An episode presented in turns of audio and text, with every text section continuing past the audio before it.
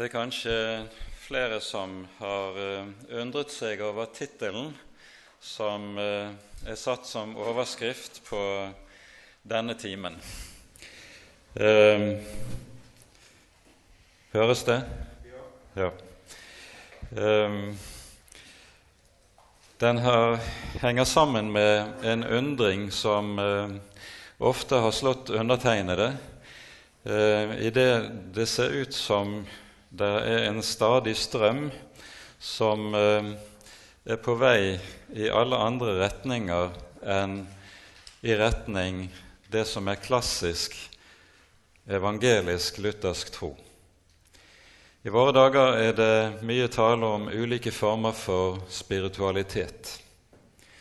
Og eh, det kristne bokmarkedet oversvømmes også av forfattere som kommer med ulike tilbud på eh, spiritualitetsutgaver som på hver sin måte skal hjelpe en til å få opplevelsen av å komme mer i orden med sin kristendom.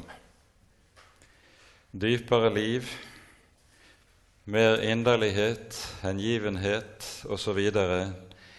Det er så mange ulike slags retninger. Ikke minst går det i dag et ganske sterkt strømdrag i retning av rom. Og eh, litteratur som eh, på ulike måter eh, promoterer eh, katolsk eh, spiritualitet og fromhetsliv, ser ut til å selge i ganske store opplag. Mens eh, på den annen side litteratur der eh, klassisk luthersk tro forkynnes og undervises, det ser ut til å være meget vanskelig for bokbransjen å få solgt dette. Dette er en del av realiteten i det som skjer i dagens kristenliv. Og så står spørsmålet der hva er det nå egentlig som gjør at man har denne sterke strømmen som ser ut til å gå i alle andre retninger enn inn mot det som er den evangelisk-lutherske kirkes skatt og arvesølv. Det er noe av det som eh, ligger bak tittelen på foredraget, og vi skal prøve å se på dette fra noen ulike synsvinkler. Paulus skriver i det andre kapittelet i første Korinterbrev at evangeliet er det som intet øre hadde hørt, intet øye sett, og som ikke var oppkommet i noe menneskes hjerte. Med det beskriver han evangeliet som noe som har det med seg at det må åpenbares. Det er noe som må gis utenfra, som ikke noe menneske kan tenke seg frem til eller arbeide seg frem til eller granske seg frem til ut fra egne forutsetninger. Det må åpenbares, gis utenfra. I åpenbaringsboken har vi et uh, veldig talende eksempel på dette. I det fjerde og det femte kapittelet i åpenbaringsboken hører vi at eh, apostelen Johannes tas med så å si innenfor forhenget. Får lov til å være vitne til den himmelske gudstjenesten. Se den allmektige sitte på tronen, lytte til lovsangen der inne. Hellig, hellig, hellig. Og så får han se bokrullen i hans hånd som sitter på tronen, og der stilles et spørsmål. Hvem er verdig til å åpne boken og bryte seilene på den? Og det ble ikke funnet noen, verken i himmel eller på jord, som kunne det.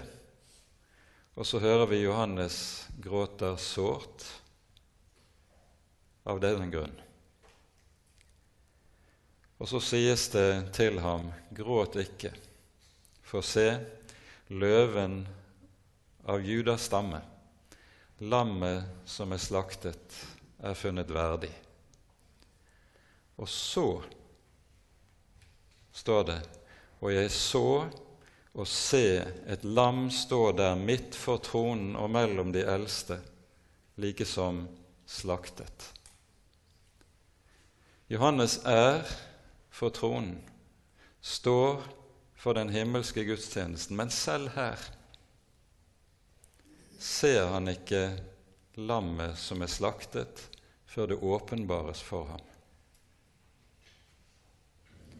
Selv her, hvor lammet så er tegnet som selve sentrum i himmelen Det står midt for tronen og imellom de 24 eldste.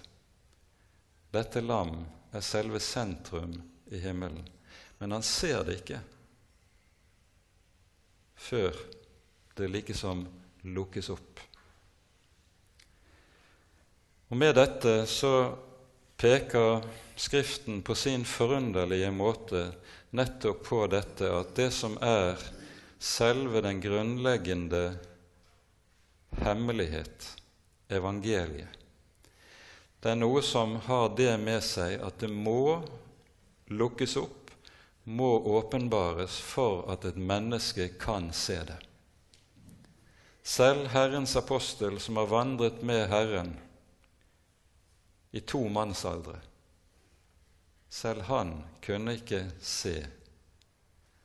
All hans erfaring, all hans kunnen, hjalp ham ikke. Det måtte lukkes opp. Og det er evangeliet. Det er noe som må lukkes opp.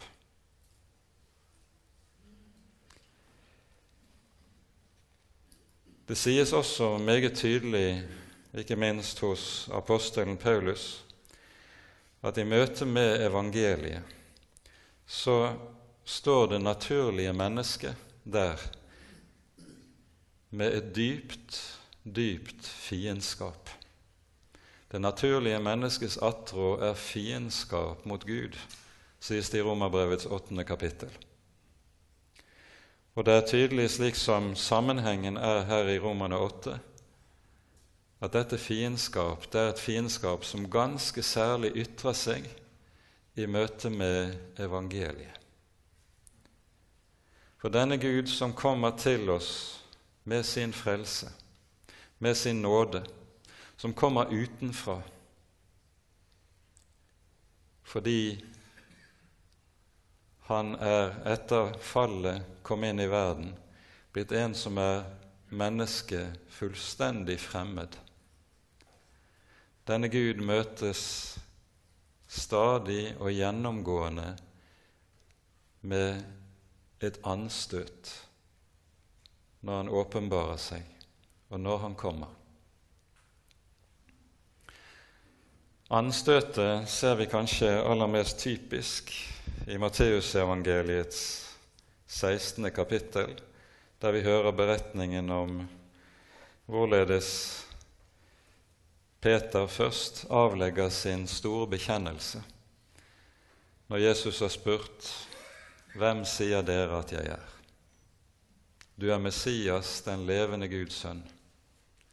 Og Jesus svarer ham, Salig er du, Peter, for dette har ikke kjøtt og blod åpenbart deg, men min Far i himmelen. Ja, det var åpenbart ham. Og så kommer det i forlengelsen av dette fra den tid av begynte Jesus å gi sine disipler til kjenne hva slags død han skulle lide. Det står han begynte å gjøre det klart for disiplene sine at han måtte dra til Jerusalem, og at han skulle lide meget av de eldste og ypperste prestene og de skriftlærde, at han skulle slås i hjel og skulle reises opp på tredje dag. Da tok Peter ham til side, ga seg til å irettesette ham og sa:" Gud fri deg, Herre, dette må aldri skje deg. Men Jesus snudde seg og sa til Peter, Vik bak meg, Satan, for du er meg til anstøt. Du har ikke sans for det som hører Gud til, men bare for det som hører mennesket til.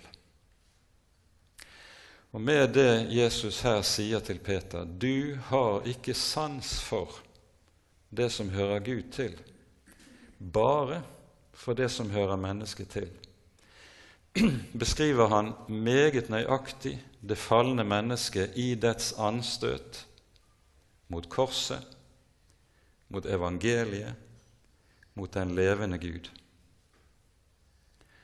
Og dette anstøt gjør seg stadig gjeldende gjennom hele Den hellige skrift. Vi ser det i Israels folk i Det gamle testamentet. Det er like som en tyngdekraft som på ny og på ny drar folket inn i fall, bort fra ham som er den eneste sanne Gud. Frafallet er regelen snarere enn unntaket, slik vi hører det i den gamle pakts tid. Og det som ligger bak, er nøyaktig samme sak, dette indre anstøt, dette indre fiendskap som syndefallet har brakt med seg i forhold til den levende Gud. Når arvesynden skal beskrives i Augustanas andre artikkel, beskrives den på en måte som er, kommer som en overrumpling, som en overraskelse, på de skolastiske teologene som var motparten i Augsburg i 1530. Arvesynden består av at mennesket er født uten frykt for Gud, uten tillit til Gud og med ondt begjær. Slik man i skolastisk teologi forsto synden, forsto man synden som en slags kvalitet i mennesket. Og denne kvaliteten den eh, besto primært i en mangel på den opprinnelige rettferdighet. Slik Augustaner beskriver synden, beskriver synden som en ødeleggelse av gudsforholdet. Det gudsforhold som mennesket var skapt til å leve i. Uten Guds frykt, uten tillit og med ondt begjær. Og Denne ødeleggelsen av gudsforholdet det er den som kommer til uttrykk i dette som vi stadig møter gjennom Den hellige skrift, talen om det naturlige menneskets anstøt på evangeliet. Salig er den som ikke tar anstøt av meg, sier Jesus i Matteusevangeliets ellevte kapittel, samtidig som han står overfor døperen Johannes i hans dype nød. Dette anstøtet som vi her er inne på, det er noe som ganske særlig ytrer seg i forhold til artikkelen om rettferdiggjørelse av tro. Det kommer rett nok til uttrykk på de mest forskjellige måter i de ulike menneskers liv, men gjennomgående så ytrer dette anstøt seg stadig i forhold til artikkelen om rettferdiggjørelsen ved tro. Det er det moralistiske anstøt. Det er moralismen, eller fariseismen om du vil, som stadig har det tyngste problemet med å godta både sannheten om hvem jeg er, og den derav følgende sannhet at nettopp fordi jeg er den jeg er, må jeg frelses av nåde for intet på grunnlag av noe en annen har gjort. Det å bygge på det en annen har gjort, det ser ut til å være uhyre tungt for gamle Adam å svelge.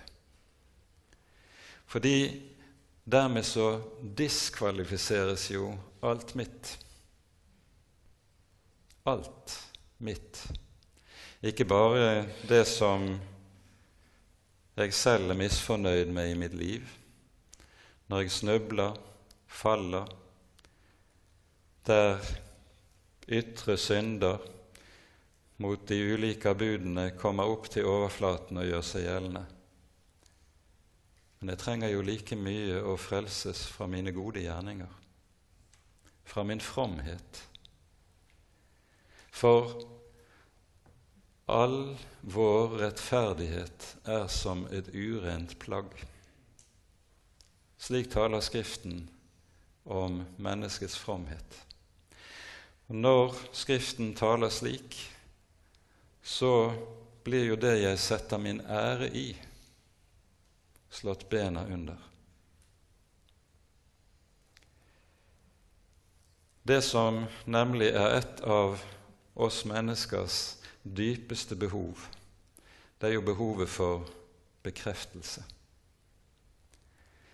Og Dette kommer på det religiøse området til uttrykk i nettopp at jeg prøver å etablere en eller annen form for religiøsitet, der jeg kan bekreftes av Gud at jeg har fått det til som kristen. Men Gud, Gud godtar ikke min kristendom. Han godtar ikke min rettferdighet det jeg er satt og gitt til å leve på, det er noe en annen har gjort, ikke noe jeg selv kan gjøre. Det er noe en annen er, ikke hva jeg selv er eller måtte ha å fare med. Jeg er henvist til noe som er gjort uavhengig av meg, utenfor meg, og det jeg ikke kan legge noen ting til eller fra. Og så er jeg diskvalifisert. Diskvalifisert med alt mitt, selv det beste. Det er en beretning i Det gamle testamentet som uh, på en måte avbilder problemet i noe av dette. Nå er dette en allegorisk utleggelse av Skriften, men det får våge seg. Det fortelles om Saul i 1. Samuels boks 15. kapittel. Han er jo sendt av gårde fordi han skal slå Amalek med bann. Og så gjør han slett ikke det han er satt til av Herren. Han vender tilbake med et stort krigsbytte. Og så sendes profeten Samuel til Saul med et ord fra Herren. Fordi du har forkastet Herrens ord, og Herren forkastet deg. Når Samuel kommer til Saul, så ønsker Saul Samuel velkommen og sier, Velsignet er du av Herren. Jeg har gjort som Herren sa til meg. Samuel svarer, Hva er det da for larm jeg hører, breking av sauer og rauting av kyr? Han har ikke slått med bann alt som hørte Amalek til. Og Så svarer Saul følgende.: Vi sparte det beste og det nest beste, men det som var dårlig, slo vi med bann. Sånn tenker det falne mennesket. Det tenker at Gud vil gjerne kunne gjøre seg nytte av det beste og det nest beste i mitt liv. Men det som ser stygt og ille ut, det slår vi med bann. Det skal gjøres ende på.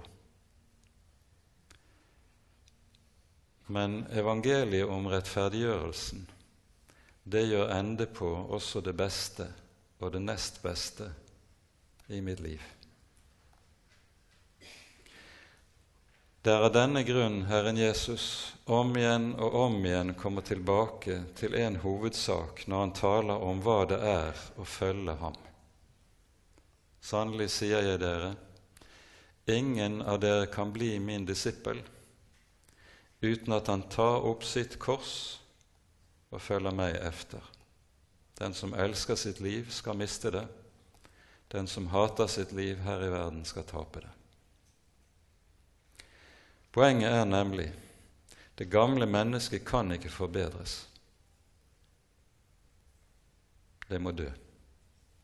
Og den som tar opp korset, det var jo i antikken den som i rettssalen var, hadde fått avsagt dødsdommen over sitt liv. Og så måtte han bære korset ut til retterstedet. Der skulle han dø. Kristendom har aldri handlet om forbedring.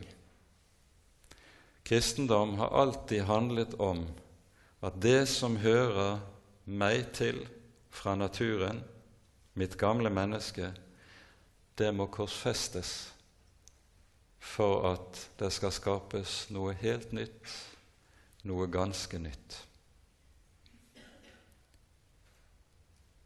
Og da gjør selvoppholdelsesdriften seg gjeldende, for jeg vil ikke dø. Da, gjør, da protesterer jeg, for Gud bekrefter meg jo ikke, selv i mine beste anstrengelser. Også de skal henges på korset. Det er noe av dette som er den dypeste grunn i anstøtet mot artikkelen om rettferdiggjørelsen. Ditt og mitt er forkastet fordi det er bare én sak som gjelder i den levende Guds øyne. Det Guds sønn har gjort. Det er det eneste som har betydning i Guds øyne. Ikke hva du og jeg måtte være eller ha å fare med. Og så blir gamle Adam fornærmet. Og denne fornærmelsen den kaller vi for anstøt. Det moralistiske anstøtet setter Paulus ord på i Galaterbrevet, der han skriver slik i det femte kapittelet. Men jeg, brødre, hvis jeg enda forkynte omskjærelse, hvorfor blir jeg da forfulgt? Da er jo korsets anstøt blitt til intet. Ja, nettopp. For evangeliet er enden på alt som heter moralisme. Evangeliet om rettferdiggjørelse av tro for Kristi skyld. Det er et budskap som levner gamle Adam ingen heder overhodet. Det er én som blir stående igjen alene med æren, Guds egen sønn. Og all kristendom har dette som sitt grunnleggende kjennetegn. Takken og lovprisningen for at Guds sønn er den han er. Hvem kan dette bli virkelighet for? For den som er blitt seg selv en byrde. Når reformatorene taler om noe av hva som er det innerste i synserkjennelsen, så bruker de et eget uttrykk. De taler om det de kaller for desperatio sui. Fortvilelsen over selvet. Med det mener de det vi sier når vi taler om det å gå konkurs. En har strevet med å få, få det til å bli en kristen. Få det til å være slik som en mener at Gud forventer det. Og jo mer en har strevet, jo verre har det gått, til en til slutt fortviler over seg selv. Fordi en må se i øynene der gis intet i meg. Der gis ikke stoff eller forutsetning i meg som Gud kan bygge på. Det finnes ingen forutsetning i meg for å kunne være en kristen. Nei, det er det som er realiteten. Og da blir evangeliet evangelium. Tenk at jeg skal få være en kristen på grunnlag av det en annen har gjort, av det en annen er. Det handler ikke om meg, men om Guds sønn. Da blir evangeliet ikke lenger anstøt, men en usigelig gave. Tenk at Guds sønn ga seg selv til slike.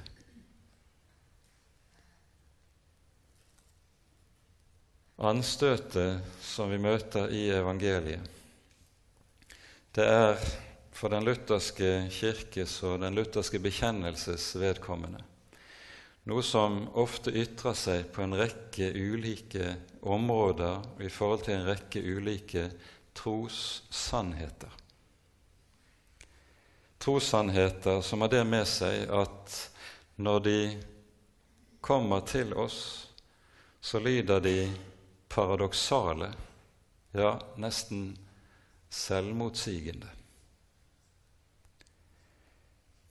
I den lutherske bekjennelse står vi overfor en hel rad av slike nesten selvmotsigende trossatser. Satser som har det med seg at når vi prøver å få fornuften vår til å gripe det, så må den melde pass. Og likevel så står det der som det som troen står og faller med. Guds sønn, vår Herre og Frelser Jesus Kristus, er Gud og menneske. Som menneske er han avmektig, hjelpeløs, dødelig. Som Gud er han allmektig, allvitende, udødelig og evig. Hvem kan forene disse to ting? Men i Guds sønn er det forenet i én og samme person. Kan du gripe det med din fornuft? Nei, ingen av oss kan det. Men anstøtet på denne sannhet var det som var tema i hele Oldkirkens kamp, der det handlet nettopp om stridigheter rundt kristologien. En kunne ikke svelge dette som for tanken er uforenlig, men som for troen er den store gave. En parallell sannhet møter vi i forhold til den hellige nattvær. Hva mottar du i en liten kjeksbit i noen få dråper vin. Guds egen sønns legeme og blod. Det legeme som hang på korset, det blod som rant på korset til soning for din og min synd, det rekkes deg i munnen når du kommer til Herrens bord. Kan du forstå det? Kan vi begripe det? Nei. Og så er det oppstått en hel kirkefamilie som av anstøt mot denne sannhet hevder at nei, den slags er umulig. Men troen jubler og gleder seg hver gang den kan knele ved Herrens bord og vite her mottar jeg det blod som blir gitt til soning for mine synder. Her mottar jeg det legeme som er livets brød, Guds egen sønns kjøtt og blod. Troen har sin glede i det som fornuften synes er et anstøt. Eller hva med dette som står der som det store simul i eh, den lutherske tenkning om hvem en kristen er? Han er samtidig synder og rettferdig. Med det menes det ikke at når du blir en kristen, et Guds barn, så er du 50% synder og 50% rettferdig. Nei, det betyr at du er 100% synder. Når du blir et Guds barn, så er du nøyaktig den samme som du var når du gikk ut av mors liv. Du er 100% synder. Men samtidig er det skapt en ny virkelighet. Du er 100% rettferdig. Men dette er en rettferdighet som du ikke eier i deg selv, men i Kristus. For din rettferdighet for Gud er ikke en indre kvalitet som tar bolig i deg, men det er en person. Jesus er din rettferdighet. Og så står du der. Du er 100% synder og 100% rettferdig. Kan du gripe det? Nei. Kan du se det med dine øyne? Kanskje et glimt av og til. Men troen har stadig sin glede i å få lov til å feste blikket på Guds sønn.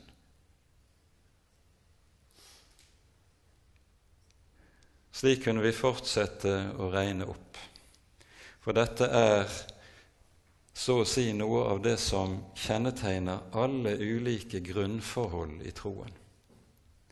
Den hellige Skrift, som vi tror og bekjenner, hva er den for noe? Den er Guds ord, 100 Og den er samtidig menneskers ord, 100% På en slik måte at du utmerket godt kan se at Paulus har en helt annen penn enn Johannes. Du kjenner igjen personene. Det er mennesker som skriver. Men samtidig er dette ord 100% Guds ord, slik at du i Den hellige Skrift har en nøyaktig analogi til det du har i inkarnasjonen. Og når det naturlige mennesket tar anstøt av Kristi person, i det, den sånn som vi hører det i Jesaja-bokens 53. kapittel, sier som det står Han hadde ingen skikkelse og ingen herlighet. Han hadde ikke et utseende så vi kunne ha vår lyst i ham. Foraktet var han og forlatt av mennesker. De tok anstøt av hans ringe skikkelse. Skulle dette være Guds sønn? En fattig tømrer torturert i hjel på et kors? Nei, kom med en bedre historie. Og Sånn er det også med Skriften. Den kommer til oss i en ringe skikkelse. Men det forandrer intet på det faktum at her har vi den levende Guds ord som lyder til oss med liv og lys. Og Det er fordi Skriften er Guds ord og bærer derfor den allmektiges liv med seg til oss. Det er derfor troen også lever av dette ord. Den kristnes liv her i verden det er også kjennetegnet av en tilsvarende dobbelthet. Paulus skriver det slik i 2. Korinterbrev Når jeg er svak, da er jeg sterk. For Guds kraft fullendes i skrøpelighet. Vi vil gjerne være sterke på det vis at vi føler oss sterke. Har opplevelsen og erfaringen av at skal Gud gi oss styrke, så har vi, føler vi oss sterkere enn vi var i går. Paradokset er at det forholder seg ganske motsatt. Det er i den som er svak, Gud åpenbarer sin styrke. Det er i den som er liten, Gud åpenbarer sin storhet. Og på ny er det samme paradoks vi står overfor. Dette går igjen i alle sentrale felter i det som har med troen og troens liv å gjøre. Og Dette er også så å si noe av det som er grunnstrukturen i luthersk tro og luthersk bekjennelse. En grunnstruktur som har det med seg at fordi den er så paradoksal, så frister den stadig til et anstøt, til et agg, der mennesker med sin fornuft vil til å forbedre på den ordning Gud har satt inn i verden. Når man gjør det, så er jo det for å prøve å gjøre troen mer akseptabel. Akseptabel for tidens mennesker. Ofte er disse her forbedringer av troen der man tar bort på ulike måter disse anstøtelige sannheter. Disse forbedringer gjøres i den beste hensikt, for man vil gjøre det lettere for folk å forstå kristendommens sannhet og ta imot troen. Men den gode hensikt rettferdiggjør intet.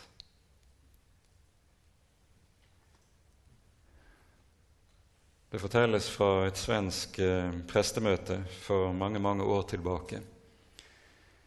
Biskopen hadde kalt sine prester sammen til eh, stiftsmøte, og i Sverige er det ingen liten begivenhet.